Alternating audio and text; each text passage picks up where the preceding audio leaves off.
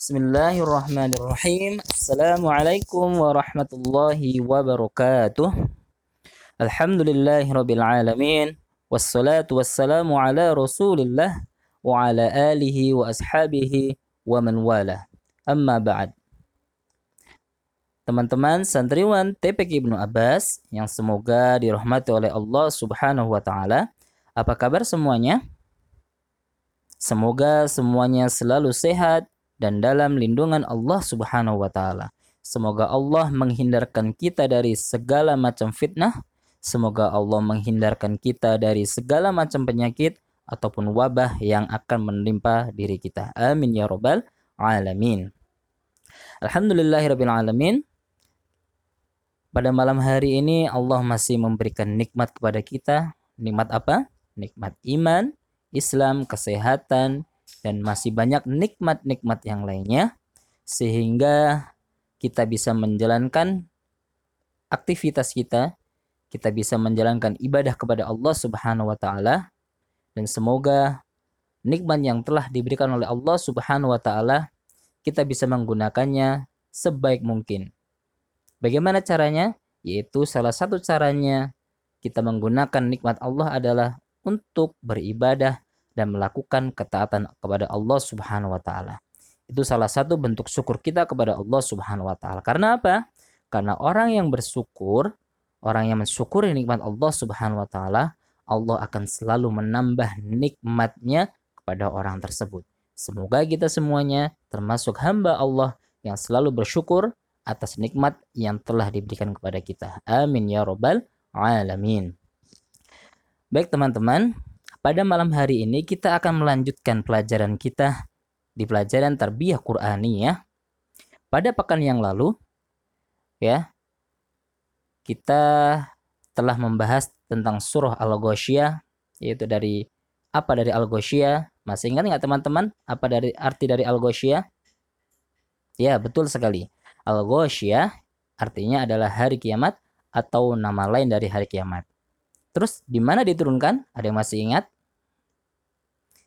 Betul sekali. Surah Al-Ghasyiyah diturunkan di kota Makkah sebelum Nabi Muhammad berhijrah ke kota Madinah. Sehingga surat ini dinamakan surah Makiyah.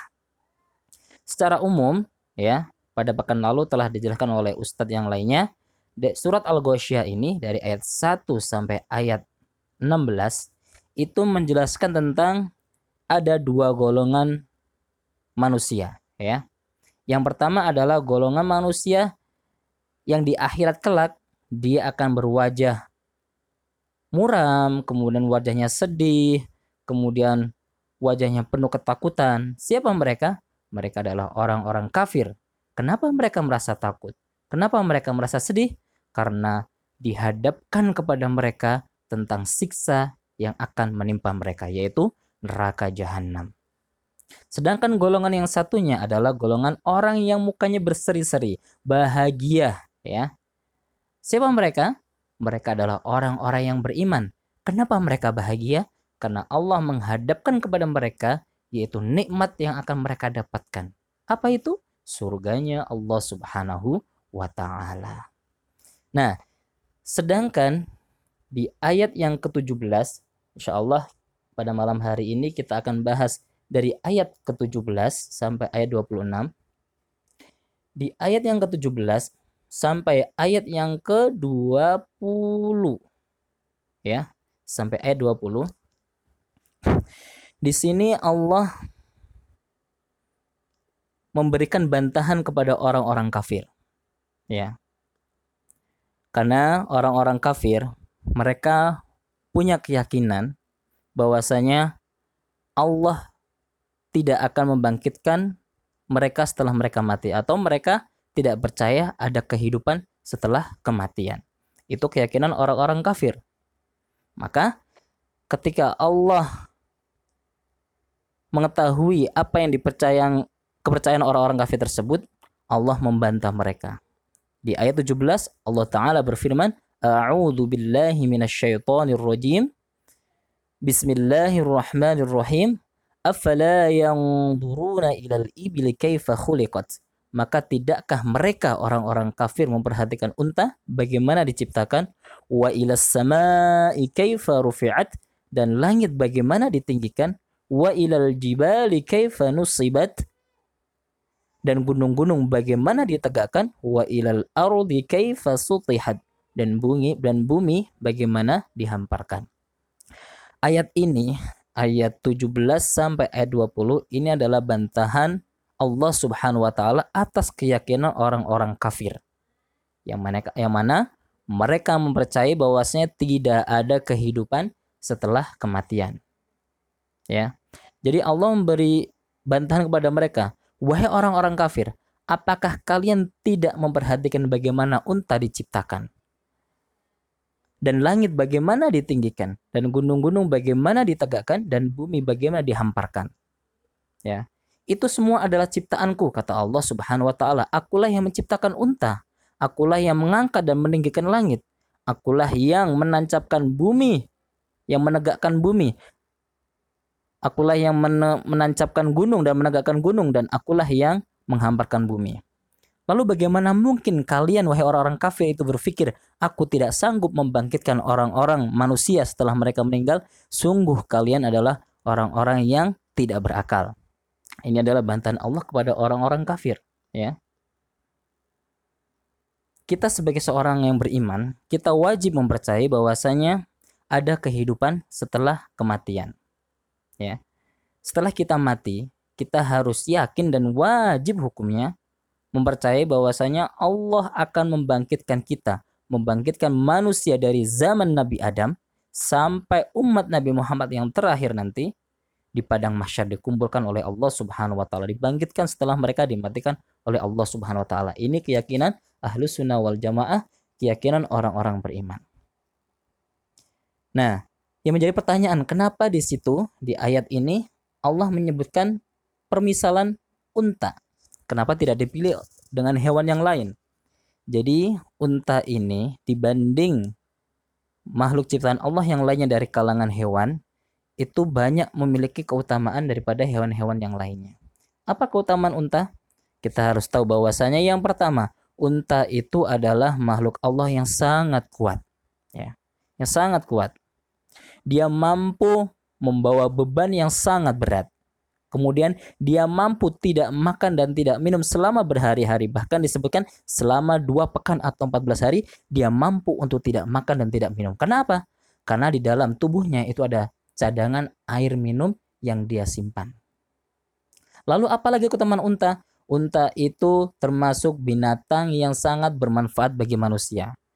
Bermanfaat apanya? Dia mampu membawa barang-barang yang dibutuhkan oleh manusia. Sebagaimana zaman dulu ketika orang-orang Arab hendak mereka berjual beli, mereka membawa dagangannya di atas unta yang begitu banyak. Kemudian unta juga memiliki air susu yang mana air susunya sangat bermanfaat bagi bagi manusia.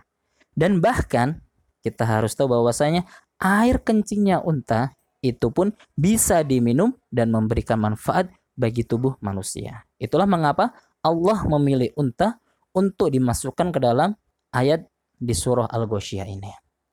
Nah, jadi ayat 17 sampai 20 ini adalah bantahan Allah kepada orang-orang kafir bahwasanya Allah itu mampu membangkitkan manusia setelah manusia mati.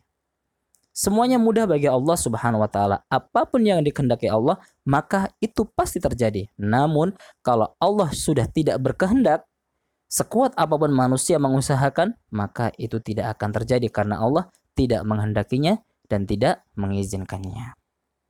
Sedangkan di ayat yang ke-21 fadzakir innama anta mudzakir dan ayat 22 lasta alaihim bimusaitir ayat 21 maka berilah peringatan karena sesungguhnya engkau wahai Muhammad hanyalah yang pemberi peringatan engkau bukanlah orang yang berkuasa atas mereka yang dimaksud ayat ini bahwasanya adalah Nabi Muhammad tidak bisa memaksa orang-orang kafir untuk beriman kepada Allah Subhanahu wa taala. Lalu apa tugasnya? tugas Nabi Muhammad, para nabi-nabi yang lain itu hanya memberi peringatan, memberi tahu bahwasanya hal ini adalah yang baik dan yang hal ini adalah hal yang tidak baik. Itu tugas para nabi terdahulu, ya. Hanya memberikan peringatan, busyra wa nadhira sebagai pemberitahu kabar gembira dan pemberitahu peringatan kepada manusia yang akan didakwahinya atau diajak beriman kepada Allah Subhanahu wa taala. Para nabi tidak bisa memaksa orang untuk beriman kepada Allah Subhanahu wa taala. Buktinya apa? Buktinya adalah paman Nabi Muhammad sallallahu alaihi wasallam yaitu Abu Talib. Paman yang sangat dicintai Nabi Muhammad dan pamannya pun mencintai Nabi Muhammad sallallahu alaihi wasallam. Itu tidak bisa diberikan hidayah oleh Nabi Muhammad karena Nabi Muhammad tugasnya hanya memberi peringatan, hanya memberitahu sedangkan hidayah itu adalah mutlak dari Allah Subhanahu wa taala. Para nabi tidak bisa memberikan hidayah kepada orang terdekatnya, bahkan sampai anaknya sekalipun. Ya. Sebagaimana Nabi Nuh alaihissalam yang mana anaknya termasuk dari golongan orang-orang kafir yang tidak beriman kepada Allah sehingga Allah menenggelam, menenggelamkan dia bersama orang-orang kafir yang tidak beriman kepada Allah Subhanahu wa taala. Jadi tugas para rasul pada rasul itu adalah memberi peringatan hanya mengajak orang untuk beriman kepada Allah Subhanahu wa taala. Ya. Nah, adapun orang-orang yang berpaling ya, yang tidak mau mengikuti seruan para rasul, ajakan para rasul dan nabi, ya, mereka akan mendapatkan balasan dari Allah Subhanahu wa taala. Apa balasannya? Ayat 24, fayu'adzibuhullahul adabal akbar, maka Allah akan mengadabnya dengan adab yang besar. Apa adab yang besar? Yang dimaksudkan adalah menurut para ulama, adab yang besar adalah yaitu adab di akhirat di neraka jahanam. Ya. Mereka akan dimasukkan ke dalam neraka jahanam nerakanya Allah Subhanahu wa taala. Itu balasan bagi orang-orang yang ingkar, orang-orang kafir yang tidak beriman kepada Allah Subhanahu wa taala, yang tidak mengikuti ajakan para rasul dan seruan para rasul. Dan mereka harus tahu bahwasanya inna ilaina bahum sungguh kepada kamilah mereka kembali. Semua manusia akan kembali kepada Allah Subhanahu wa taala. Orang muslim, orang kafir kembali kepada Allah Subhanahu wa taala. Cuma bedanya orang beriman itu akan kembali kepada Allah dan akan ditempatkan di surganya Allah Subhanahu wa taala sedangkan orang-orang kafir mereka akan kembali kepada Allah dan ditempatkan oleh Allah Subhanahu wa taala di nerakanya Allah Subhanahu wa taala. Dan ayat terakhir, "Tsumma inna 'alaina hisabahum." Kemudian sesungguhnya kewajiban kamilah yang membuat perhitungan atas mereka. Jadi semua nanti yang memberikan balasan adalah Allah Subhanahu wa taala. Balasan bagi orang yang beriman adalah surganya Allah Subhanahu wa taala. Balasan bagi orang kafir yang ingkar kepada Allah, tidak beriman kepada Allah, tidak percaya bahwasanya Allah mampu membangkitkan manusia setelah setelah manusia mati, itu balasannya adalah nerakanya Allah Subhanahu wa taala yaitu neraka jahanam. Nauzubillahi min. Demikianlah teman-teman semuanya, mudah-mudahan Allah selalu memberikan kepada kita keistiqomahan ya supaya kita selalu beriman kepada Allah, selalu taat kepada Allah Subhanahu wa taala dan kita dijauhi dari sifat-sifat orang-orang kafir, sifatnya orang-orang munafik yang mana mereka semua akan mendapatkan tempat di akhirat berupa neraka jahanam yang di mana bahan bakarnya adalah manusia dan batu. Mudah-mudahan bermanfaat dan bisa kita ambil pelajaran. Dan akhirnya mari kita tutup dengan doa akhir majelis. سبحانك اللهم وبحمدك أشهد أن لا إله إلا أنت أستغفرك وأتوب إليك. والسلام عليكم ورحمة الله وبركاته.